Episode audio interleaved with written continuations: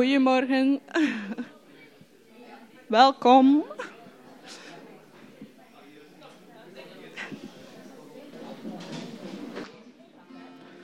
Wel, welkom op deze mooie dag. We gaan, ik ben heel blij vandaag, omdat het voor mij een speciale dag is. Dat is Pinksteren. En dat is altijd um, op het tijdlijn van alle momenten en feesten een beetje de laatste stuk die voor mij heel belangrijk is, omdat het is het moment dat God zijn liefde, zijn boodschap aan iedereen op de wereld verspreidt. En dat is heel, heel belangrijk.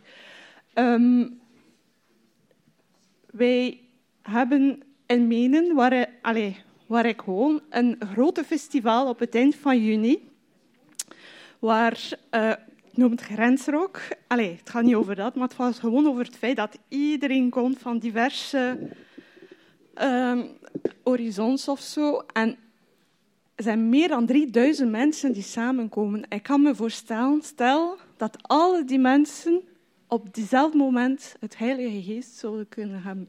Het zou wel een heel andere sfeer zijn. Want, uh, maar voor mij is dan echt eer om met jullie deze feest te vieren vandaag. Ik zie dat er uh, moeilijk was voor, allez, voor een plaats te vinden, maar toch zijn we samen. Het heeft ons niet gehinderd om uh, die feest samen te vieren. Dus laten ons onze God aanbidden.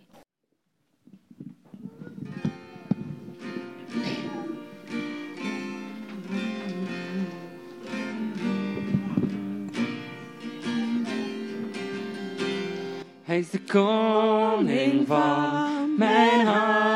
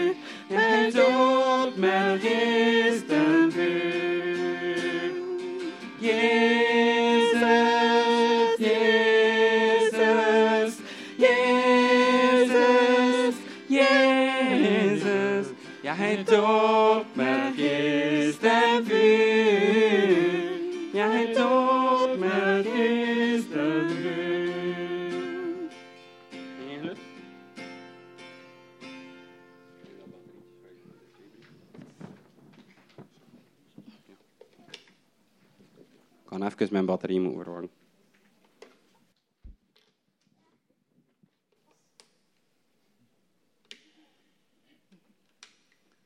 Voor zij die willen, uh, mag je zeker recht staan voor het volgende.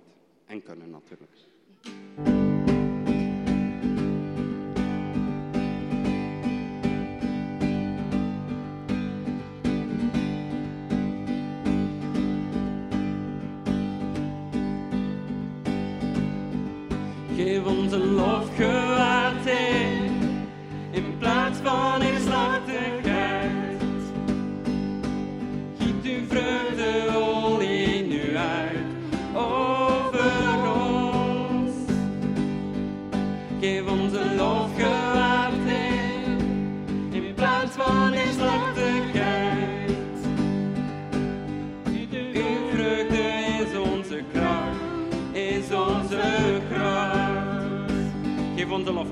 give unto the Lord.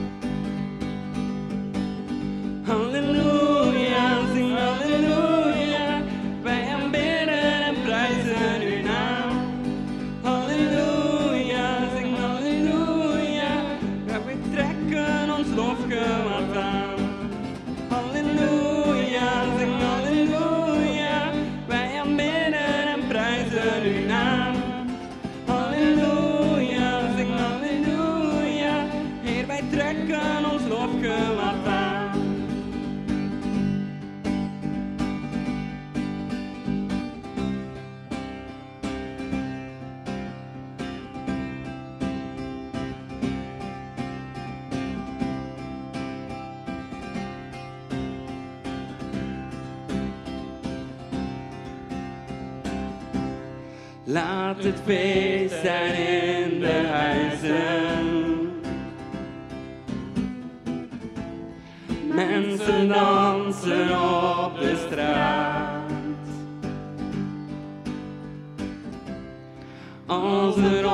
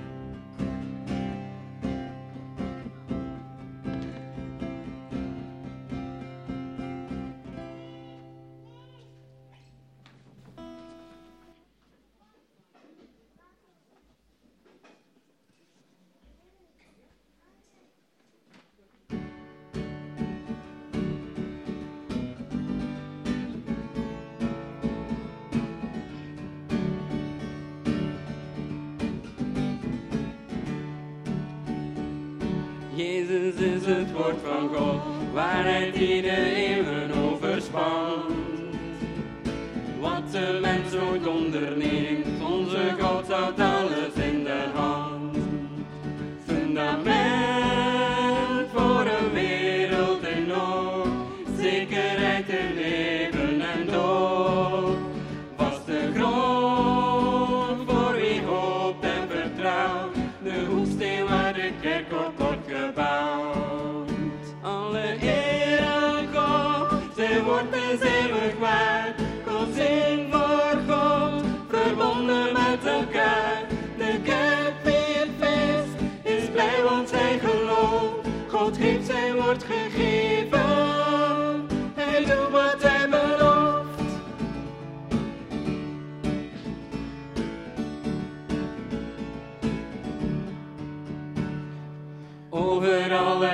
heen wordt hij de gemeente tot zijn bruid.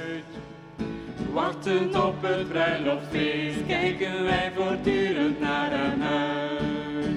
Als hij komt, buigen wij voor hem neer, zien wij onze koningen heen. heer.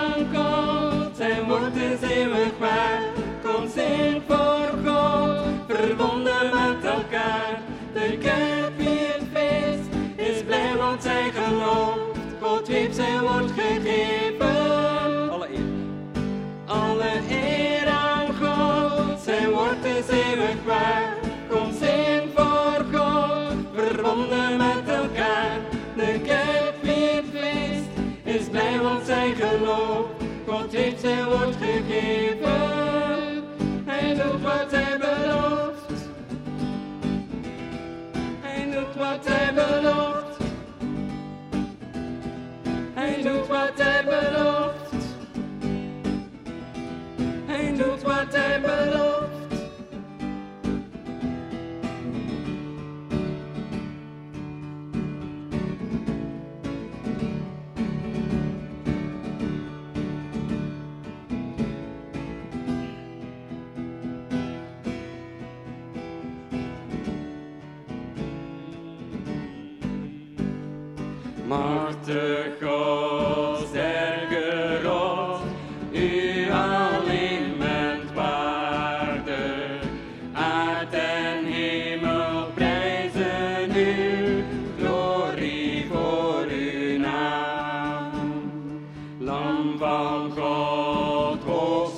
here.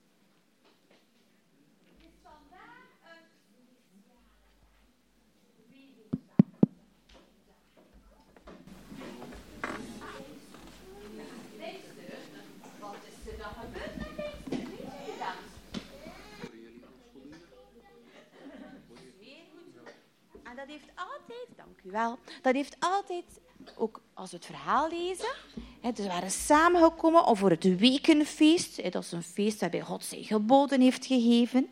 En eh, dan ehm, was er plots iets wat er gebeurde. Men hoorde wind. Een wind, dat is een teken van Gods aanwezigheid. En er was nog iets boven hun hoofden. Een soort vuur. Ja, vuur. En vuur is ook een teken van Gods aanwezigheid.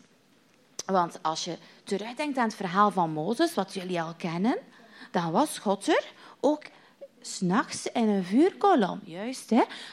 We gaan daar straks in de zondagsklas nog veel meer over vertellen, want ook, we gaan een stukje lezen uit Joel. Het Joel uit het Oude Testament. En daarin staat er ook iets wat te maken heeft met Pinksteren. Dat ga ik straks uitleggen. Gaan we eerst samen ons liedje zingen? Ja? Oei, niet zo wakker vandaag? Het zal wel lukken. Het was in het Engels. Hè? Als jullie willen meelezen. Gaan we dansen? Ga je dansen?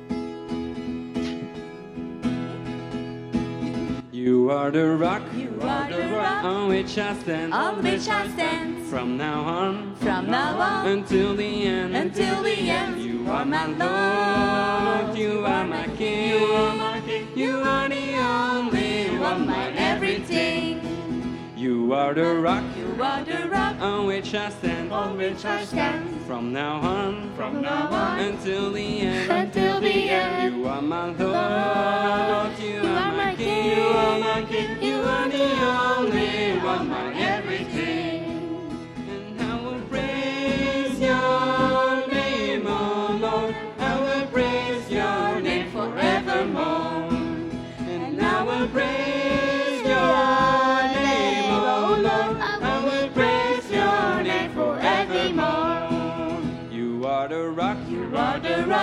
Which I stand, On which I stand. from now on, From now on. until the end, Until the end. You are my Lord,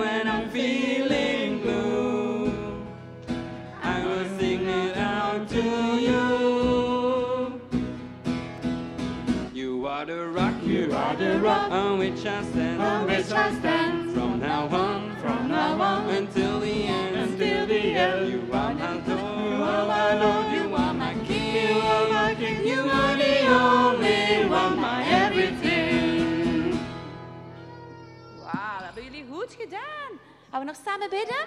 Wie van jullie wil dat graag doen? Oké, Elisabeth. Van onze handjes. Lieve Vader in de hemel, bedankt dat we weer samen kunnen zijn. Dat eh, we vandaag weer een toffe dag kunnen hebben. In Jezus' naam, amen. Amen. Jullie mogen. Thomas.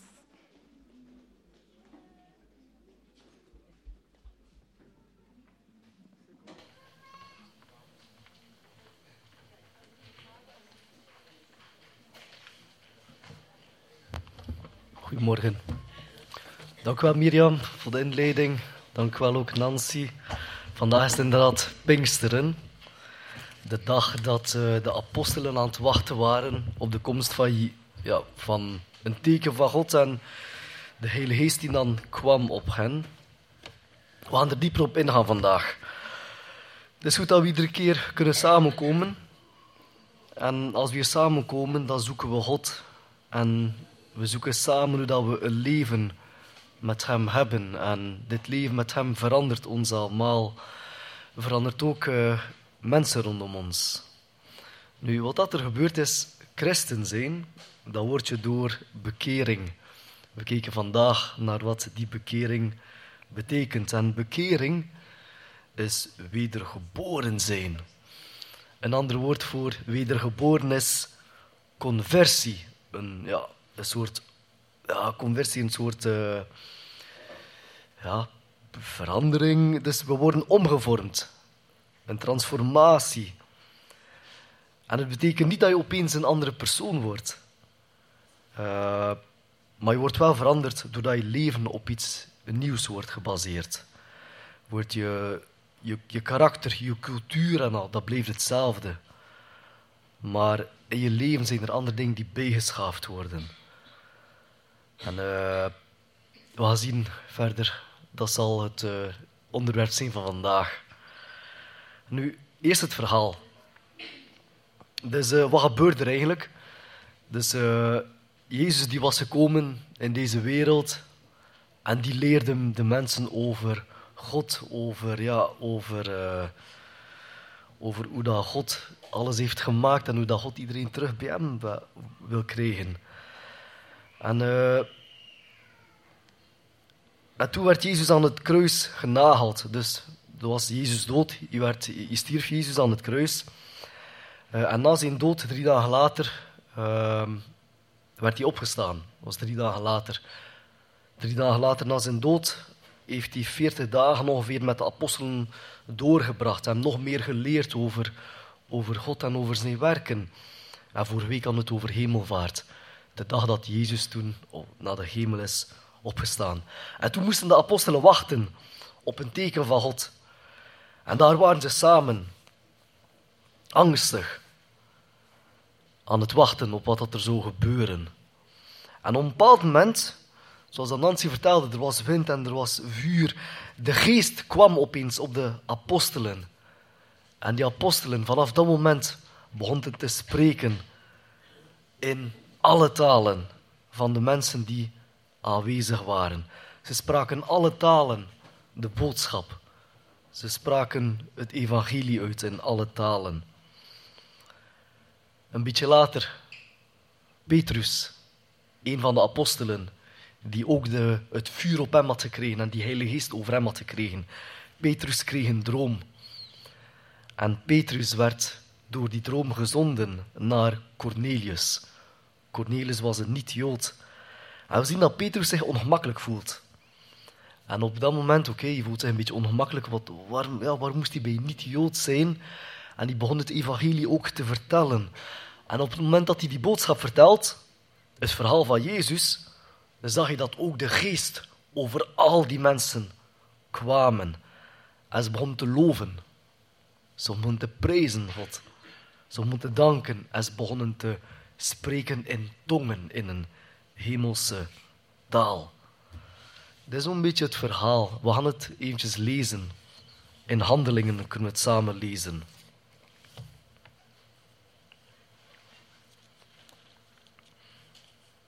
Handelingen hoofdstuk 10.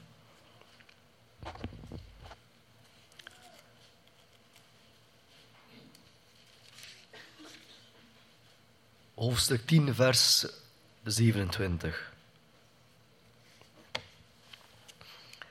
En Petrus zag dat er veel mensen aanwezig waren. Hij zei tegen hen: Jullie weten dat een Jood niet mag omgaan met mensen die niets Joods zijn. En ik mag eigenlijk niet eens bij jullie komen. Maar God heeft me iets geleerd. Ik mag over niemand zeggen dat hij onrein is of dat hij niet bij God kan horen. Daarom ben ik gewoon gekomen toen jullie mij uitnodigden. Maar mijn vraag is, waarom hebben jullie mij laten komen? En Cornelius antwoordde, vier dagen geleden was ik hier in mijn huis aan het bidden. Het was drie uur in de middag en opeens stond er een man voor mij in stralend witte kleren. En hij zeide, Cornelius, God heeft je gebed gehoord en heeft gezien dat je veel geld geeft aan arme Joden. Nu moet je mannen naar Joppe sturen om Simon Petrus te halen. Simon Petrus logeert bij een man die ook Simon heet. Die Simon maakt leer van dierenhuiden. Hij woont in een huis bij de zee. En toen heb ik meteen een paar mannen naar u toegestuurd. Het is goed dat u hier bent gekomen. Nu zijn we allen bij elkaar om God te eren. Vertel ons wat u van de Heere moet zeggen. Wij luisteren. Toen begon Petrus te spreken. Hij zei: Nu begreep ik pas goed dat God alle mensen even belangrijk vindt. God houdt van iedereen die eerbied voor hem heeft en leeft volgens zijn wil. Het maakt niet uit bij welke volk je hoort. Dat goede nieuws heeft God aan de Joden bekendgemaakt. Hij stuurde Jezus Christus naar hen toe en Jezus is de Heer van alle mensen. Petrus vertelt verder: Jullie weten wat er overal in het Joodse land is gebeurd. Het begon in Galilea met Johannes de Doper, die vertelde aan de mensen dat ze zich moesten laten dopen. En daarna liet God zien dat hij Jezus uit Nazareth uitgekozen had. En God gaf hem de Heilige Geest en hij gaf hem kracht.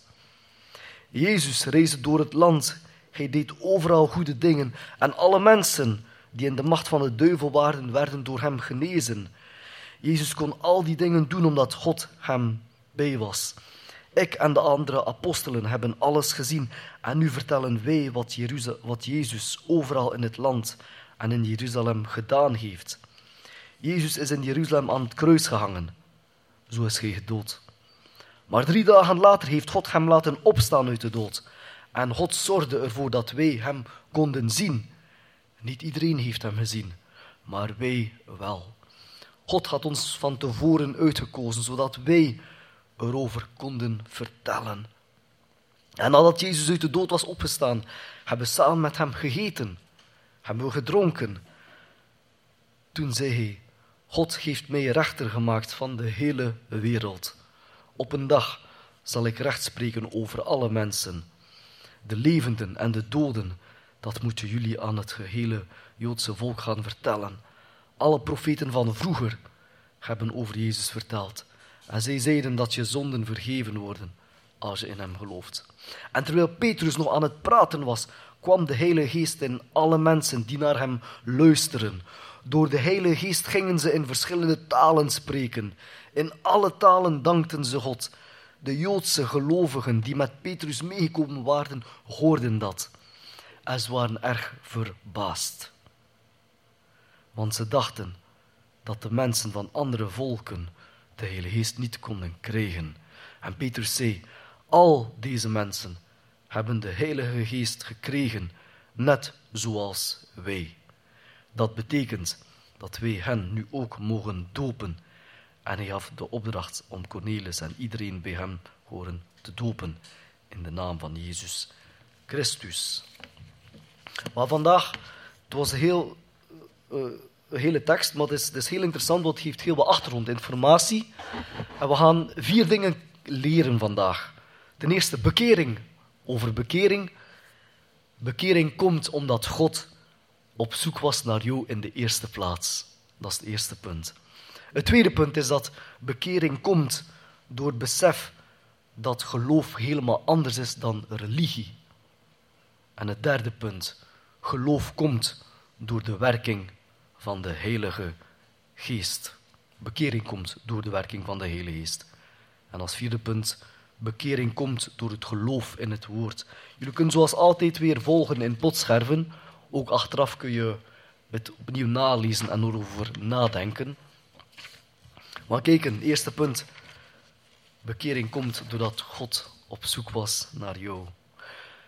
Het verhaal is het volgende. Dus Cornelius, een officier, die had het financieel goed. Hij was niet Jood, hij was een Romein. Hij was heel vroom. Hij gaf aan de armen. Hij deed goede dingen. Hij was een welgestelde burger. En Petrus vraagt: Hé, hey, waarom, waarom uh, riep u mee om te komen? En Cornelis antwoordt: Wel, het volgende. Ik had een droom. Ik was aan het bidden. Ik had een droom en een engel vertelde mij dat jij moest komen naar mij. God zette de eerste stap naar Cornelius. Als het God niet was, dan had Cornelius ook geen engel ontmoet in zijn droom. Dan had hij ook geen visioen gekregen. Het volgende. Kun je iets missen dat niet bestaat? Er zijn voorbeelden. Je hebt liefde, je hebt trouw, je hebt geld, je hebt waardering, je hebt warmte. Het bestaat allemaal. Als je iets mist, dan is het omdat, het, omdat het bestaat. En mensen komen op een bepaald moment in hun leven dat ze zeggen van hé, hey, ik mis iets waardevols. Ik mis iets dierbaars. Ik mis iets wat groot is. Ik mis echte liefde in mijn leven. Ik mis echte trouw. Ik mis echte waardering. Ik mis een echte God misschien. Onbewust missen mensen een ware God in hun leven. En als je afvraagt of dat God er is, of als er zoiets als God bestaat, of als je op een bepaald moment verlangt naar iets wat God is, dan is het omdat God bestaat. De reden is, God bestaat en God is al op zoek naar jou. We hebben het zoveel gehoord van zoveel getuigenissen van mensen rondom ons. Hè. Er miste iets in mijn leven. Iets zei me dat ik moest zoeken naar iets groots. Ik was verdwaald. Ik wist niet wie ik was. En toen ik die God leerde kennen, voelde ik rust. Voelde ik zekerheid. Allemaal beseffen ze. Allemaal beseffen wij dat wij God op ons eentje niet kunnen vinden. Het is God die de eerste stap zette naar ons. En dat is het eerste punt. Ben je op zoek naar God? Dan ga je hem vinden. Is er iets in je leven dat verlangt naar God? Dan ga je hem vinden. Laten we ook hoop hebben voor anderen. Als iemand in uw leven, als iemand rondom u dat klein sprankeltje heeft, dat leek te zoeken naar God, weet dat God het werk is begonnen. God is op zoek naar jou. God is op zoek naar ons allemaal. Dat is het eerste punt. Het tweede punt is dat bekering komt door te beseffen dat het compleet anders is dan religie. Religie is het volgende. Je moet goede dingen doen. Je moet goede, dingen weten. Je moet goede dingen denken. Je moet het verdienen. En het hangt af van jezelf. Je moet moeite doen ervoor. Wat we hier zien is dat Cornelius, Cornelius was een goed mens, de niet-Jood. Hij gaf van armen. Hij deed trouw dagelijks zijn gebed. Hij was geen slecht mens. Hij had ook geen problemen in zijn leven echt. Alles was oké. Cornelius was echt een, goed mens. En wat gebeurt er dan? Hij droomt en God komt in zijn droom. En het is het volgende dat die engel tot hem vertelt, de boodschap. Hè. Cornelius, je bent een goed mens. Je bent oké. Je bent goed bezig. Nodig Petrus uit. Want jij moet bekeerd worden. Dus God zegt niet van, je bent een goed mens, zo bezig, doe zo verder. Hij zegt, nee, je bent een goed mens. En nu moet je echt bekeerd worden. Nu moet je echt getransformeerd worden. De boodschap is, het is niet door religieus te zijn dat je bekeerd wordt. Wat bedoel ik dan? Het is niet door even naar de kerk te komen. Het is niet door bijbelstudies. Het is niet door zomaar uh, preken te gaan beluisteren en al. En door het goede te willen doen dat je er komt. Tot bekering komen betekent ook niet, vanaf nu ga ik alle regels volgen. Vanaf nu ga ik twee, drie keer mijn gebed opzeggen per dag. Nee, want dan betekent dat je nog steeds religieus bent. Je steunt op jezelf. Bekering betekent niet dat je op jezelf steunt. Het is niet dat je goede dingen moet doen. Het is niet dat je goede dingen moet denken. Dat is het niet. Het probleem van de mens is dat mensen hun eigen God willen zijn, hun eigen baas willen zijn. En dat gebeurt er zijn twee soorten mensen. Je hebt mensen die slecht zijn. En die doen wat ze willen. Ze gaan lichting, het zijn criminelen. Ze zijn slecht bezig. Maar ze doen wat ze willen. Ze willen hun eigen leven in handen hebben. Je hebt die soort mensen. En dan heb je de andere soort mensen die ook baas willen zijn over hun eigen leven. Ik ga iedere week naar de kerk. Ik bid drie keer. Ik ga naar alle Bijbelstudies. Ik geef meer dan tienden. Ik geef alles aan de kerk. Ik geef mijn kleren aan de kerk. Ik geef mijn tijd aan de kerk. En God zal me wel aanvaarden. Religieuze mensen. Wat ook niet juist is. Je komt tot bekering op het moment dat je beseft dat het helemaal anders is dan de religie. Je beseft dat je uit jezelf nooit de liefde en de nabijheid van God zult verdienen. We verdienen niet om bij God te komen. We zullen nooit genoeg zijn tegenover God. Maar wat is het wel? We beseffen dat we bij God horen. We beseffen dat God ons bij hem neemt. En dat staat los van wat we hebben gedaan. Dat staat los van wat we denken. We beseffen dat God naar ons toe komt en zegt van, jij hoort bij mij. Ik hou van jou. Het is niet onze goedheid die ons bij God brengt. Het is Gods goedheid die hem, die hem trekt. Ons bij hem. En wat gebeurt er? We krijgen opeens een zekerheid. We krijgen vertrouwen. We kunnen komen bij God zonder dat we het verdienen. En dat geeft ons diep van binnen dankbaarheid. Dat heeft onze verlangen om nog meer van die God te weten. Dat heeft ons vertrouwen. Dat, niet meer, ja, dat, dat we niet meer hoeven zorgen te maken of dat we bij God horen. We horen bij God. We verdienen het niet, maar we krijgen het. Toch, we krijgen alles.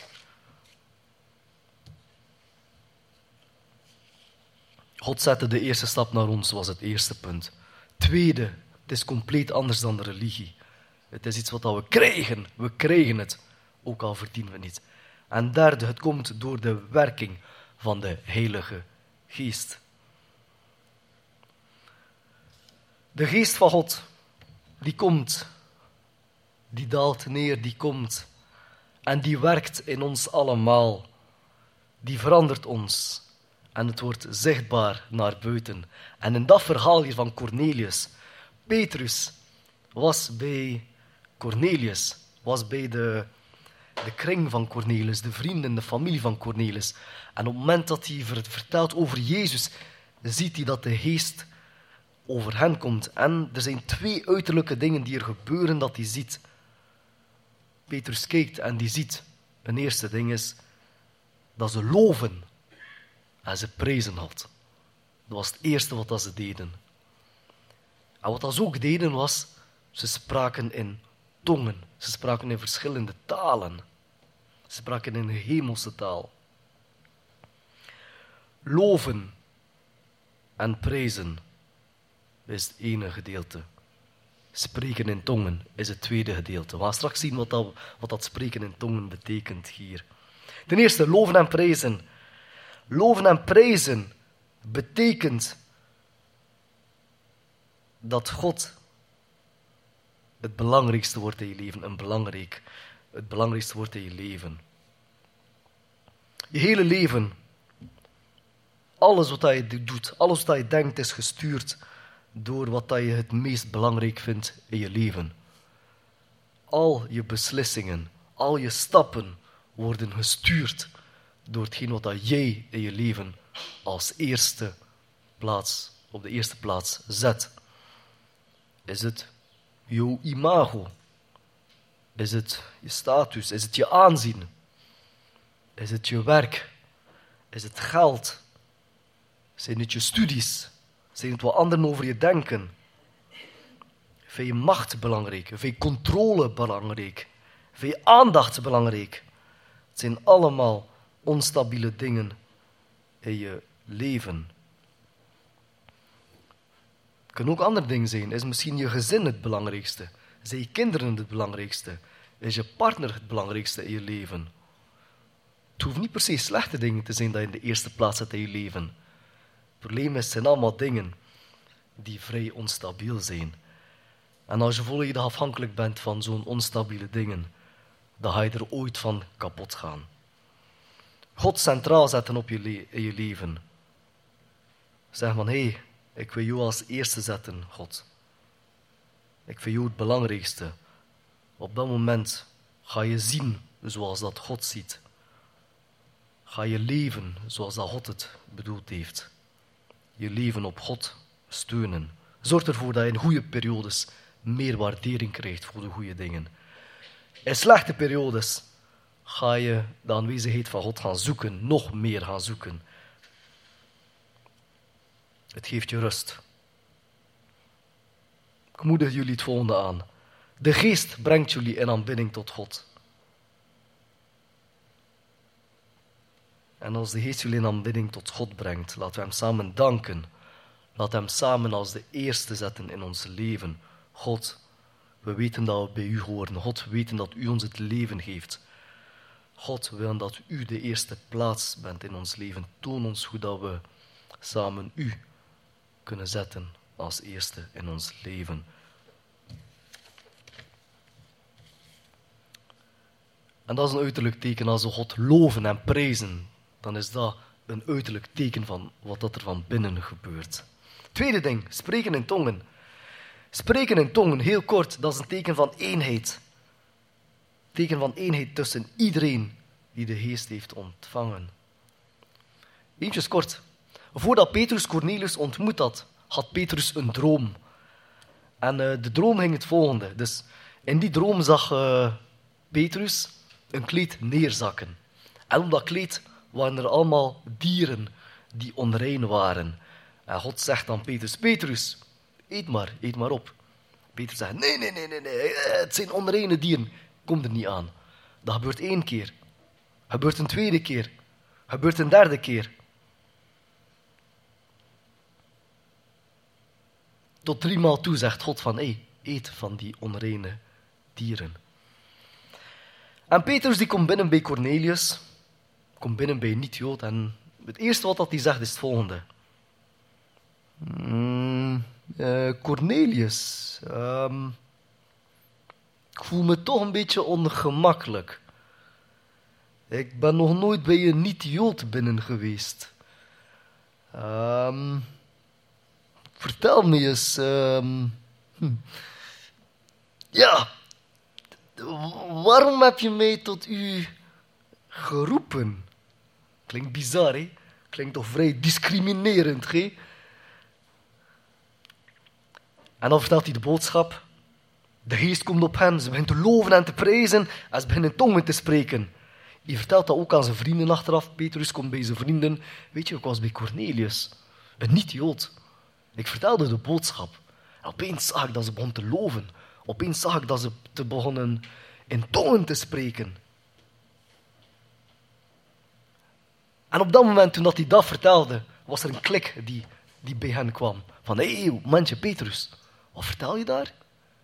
Niet Joden? Ze begon te loven. Ze begon te spreken in andere talen. Momentje. Was dat niet heen wat dat er gebeurde op Pinksteren bij ons? Hè? Die staan op, die opeens van, hé, hey, momentje. Wat dat wij hebben meegemaakt met Pinksteren. De Heilige Geest kwam op ons. En wij begonnen te loven en te prijzen. En wij begonnen te spreken in alle talen. En een beetje later zien we dit hetzelfde gebeuren bij niet-Joden. Dat was een teken opeens van Petrus van, hé, hey, oké, de Heilige Geest brengt eenheid tussen iedereen. Maakt niet uit wie dat ze zijn, van waar dat ze komen, welke taal dat ze spreken. De boodschap van Pinksteren, besef jullie, dat is het volgende. Jezus was gestorven, hij was opgestaan, er was de hemelvaart, alles was voltooid. De apostelen moesten wachten, staan op een signaal. Ze waren bang, ze waren aan het wachten op die kleine ruimte. En opeens kwam de Heilige Geest op hen neer. En wat gebeurde er? Ze gaven een preek, die mensen. Ze gaven de allereerste preek. Kunnen je indien? De allereerste preek sinds Pinksteren. In welke taal was dat? He? Dat was niet, in Jeruzalem, dat was niet in Arabisch, dat was niet in het Joods. Dat was een preek die, die werd uitgevoerd in alle talen van de mensen die aanwezig waren. Dat was het signaal van God, het krachtigste signaal van God die naar de wereld toe. Die zegt van, weet je wat, als ik mensen tot mij roep, mij maakt het niet uit van welk volk dat jullie zijn. Mij maakt het niet uit van welke taal dat jullie spreken. Mij maakt het niet uit wie dat jullie zijn. Het evangelie is voor iedereen. Het evangelie is voor alle volkeren. Het evangelie is... Ja, geen enkel volk heeft op dat moment geen voorrang. meer. Het maakt niet uit. Het was niet zo dat er in het Joods werd gepreekt en dat er vertalingen waren. Nee, er werd echt in al die talen gesproken.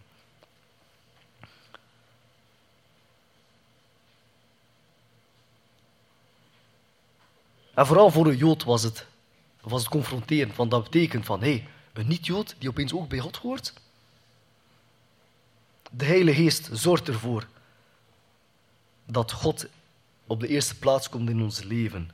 En het zorgt ervoor dat we eenheid krijgen tussen alle christenen, ons allemaal. Deze passage leert ons niet per se dat we in tong moeten spreken met onze bekering. Nee, het gebeurt wel in tongen spreken, maar dat is iets anders. Deze passage leert ons dat we samen één zijn. De geest toont dat we niet alleen zijn. We horen samen tot één lichaam. We zijn niet alleen. We gaan niemand alleen laten. En God is centraal. Laatste punt. Bekering komt door het geloof in het woord. Wanneer voerde de geest in bij die mensen? Dat was op het moment dat Petrus aan het spreken was. Wat bedoel ik eigenlijk? Willen jullie de geest ontvangen? Laten we samen dan leren over God. Laten we samen leren over Jezus. Het evangelie is het volgende. God gaf je het leven. Er is een geleegte, er is een gemis. Je zult nooit compleet zijn als je God niet hebt in je leven. Maar God is er. Je hebt die band met God nodig. Niets sta je in de weg. Je fouten staan je niet in de weg. Want Jezus stierf voor jou. God roept jou. Kom tot mij. We mogen allemaal tot God komen. Laten we samen keren tot God. Laten we samen danken. Laten we samen ons leven geven aan Hem. Bekering komt omdat God eerst op zoek was naar ons, naar jullie. Bekering komt als we beseffen dat anders is dan een religie. Bekering komt doordat de geest in ons werkt. En komt door het geloof in het woord. We samen danken.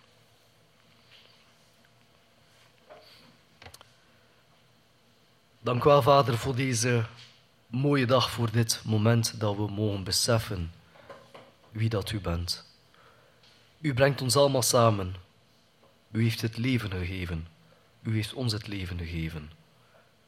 U zet de eerste stap naar ons. U houdt van ons. En vandaag ook keren we terug tot uw Vader. We zijn niet perfect, we hebben zoveel fouten, maar beseffen dat onze fouten niet meer in de weg staan tussen u en ons. We keren terug tot u. We vragen vergeving voor onze fouten. We keren tot u en geven ons leven terug in uw handen. Open onze harten dat we altijd mogen openstaan voor uw woord en voor uw liefde. Help ons om een leven te hebben zoals dat u het wilt. Dat we andere mensen samen ook bij u mogen brengen, Vader. Dank u wel. Amen.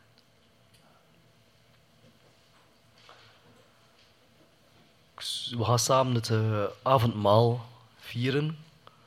Ik zou vragen aan uh, Toby, of hij even kunt komen, Toby en, uh,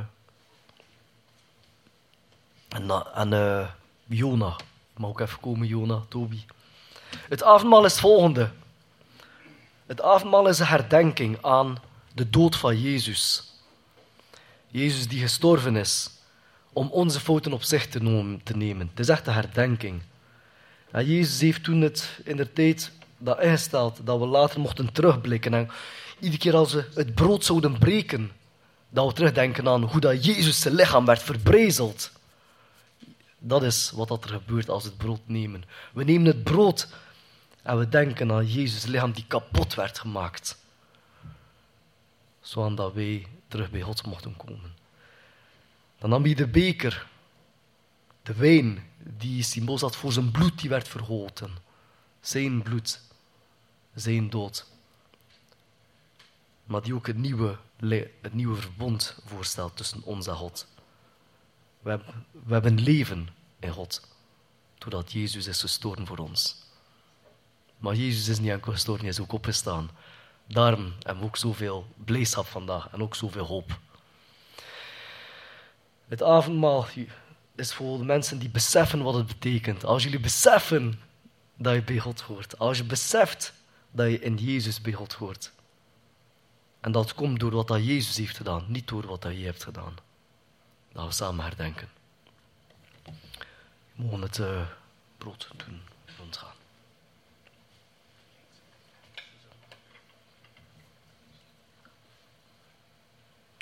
Terwijl dat avondmaal rondgaat, kunnen we samen een uh, tijd nemen van rust. We kunnen samen ons tot God richten. Laten we samen danken in stilte.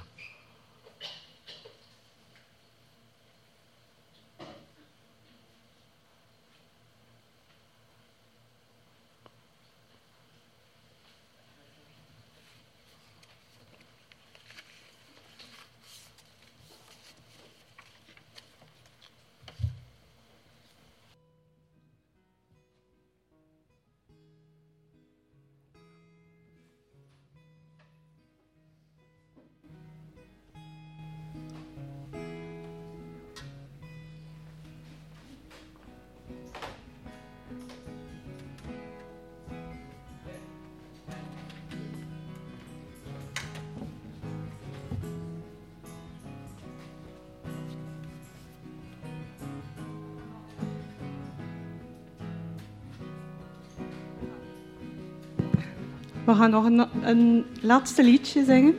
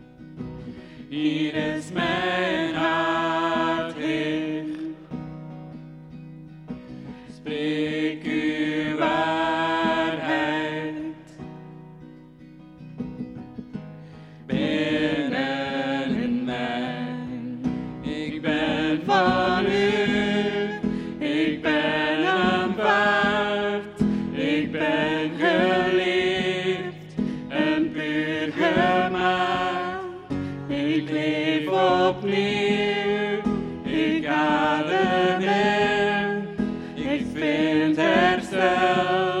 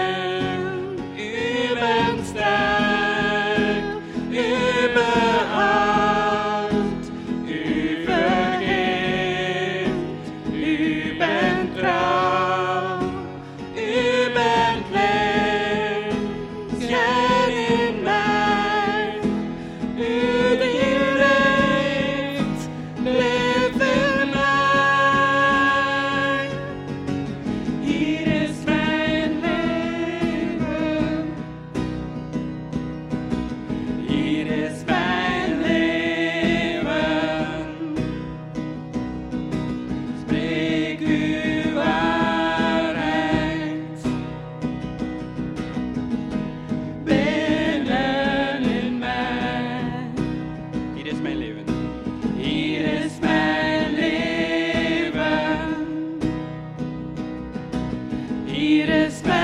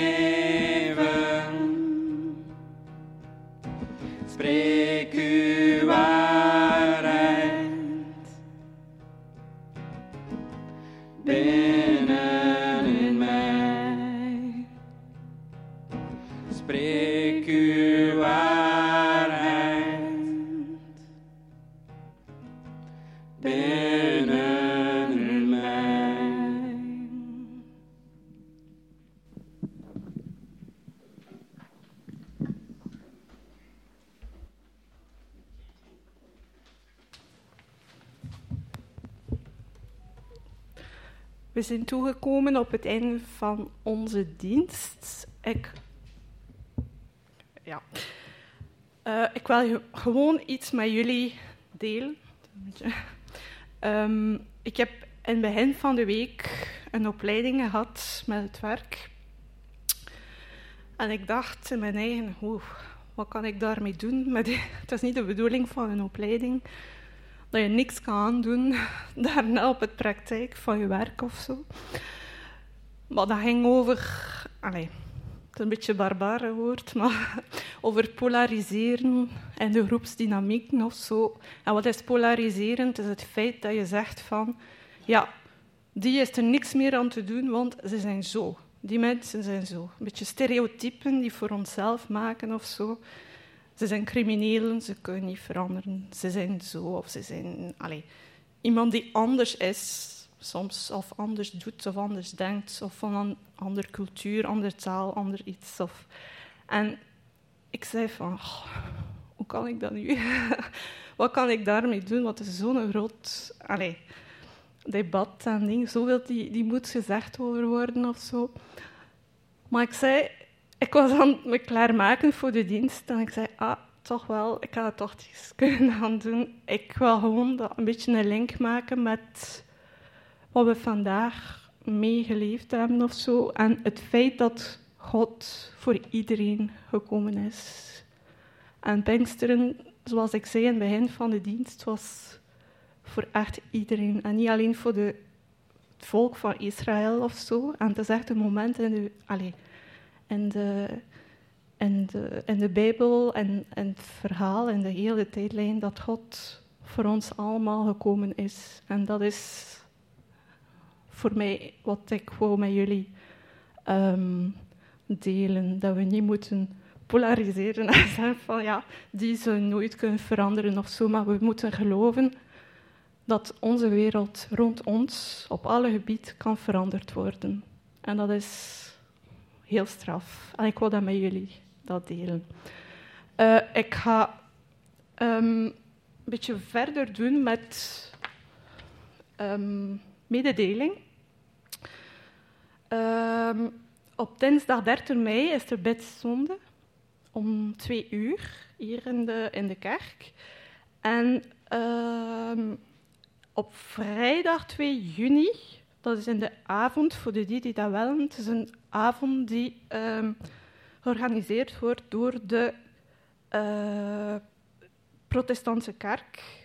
Allee, dat staat wel een beetje al details in de potscherver. Dus ehm, niet vergeten dat zaterdag 24 juni een grote feest zal zijn voor de hele kerk. ja, de mensen die dat organiseren, dat zeker niet. maar ja, ik vermoed dat eh de moeite waard is. En we moeten allemaal, eh, zijn allemaal uitgenodigd om te gaan. Ook, ehm, ik heb ook nog iets te zeggen. We hebben vandaag twee jaren. Mensen. ja, ik heb, ik heb jullie niet gemist. ja, dus Lieve is vandaag jarig en Ides is ook vandaag jarig. Voilà.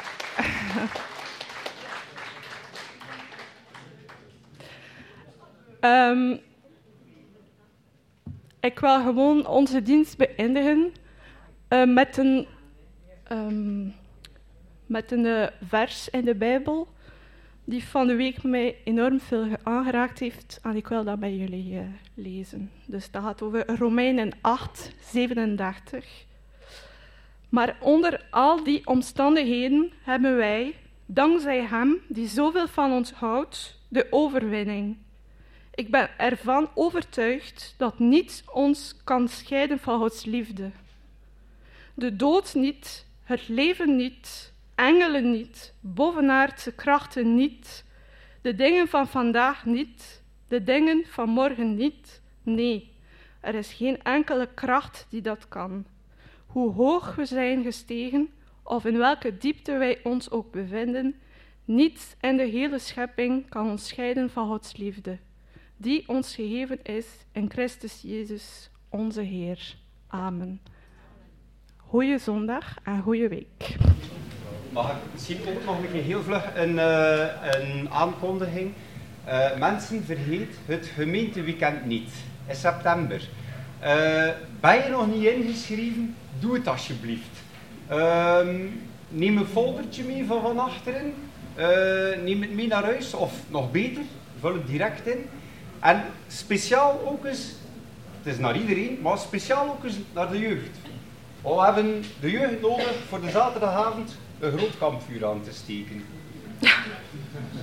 Ja. En blijf maar voor de koffie. Dus Toby die trakteert vandaag.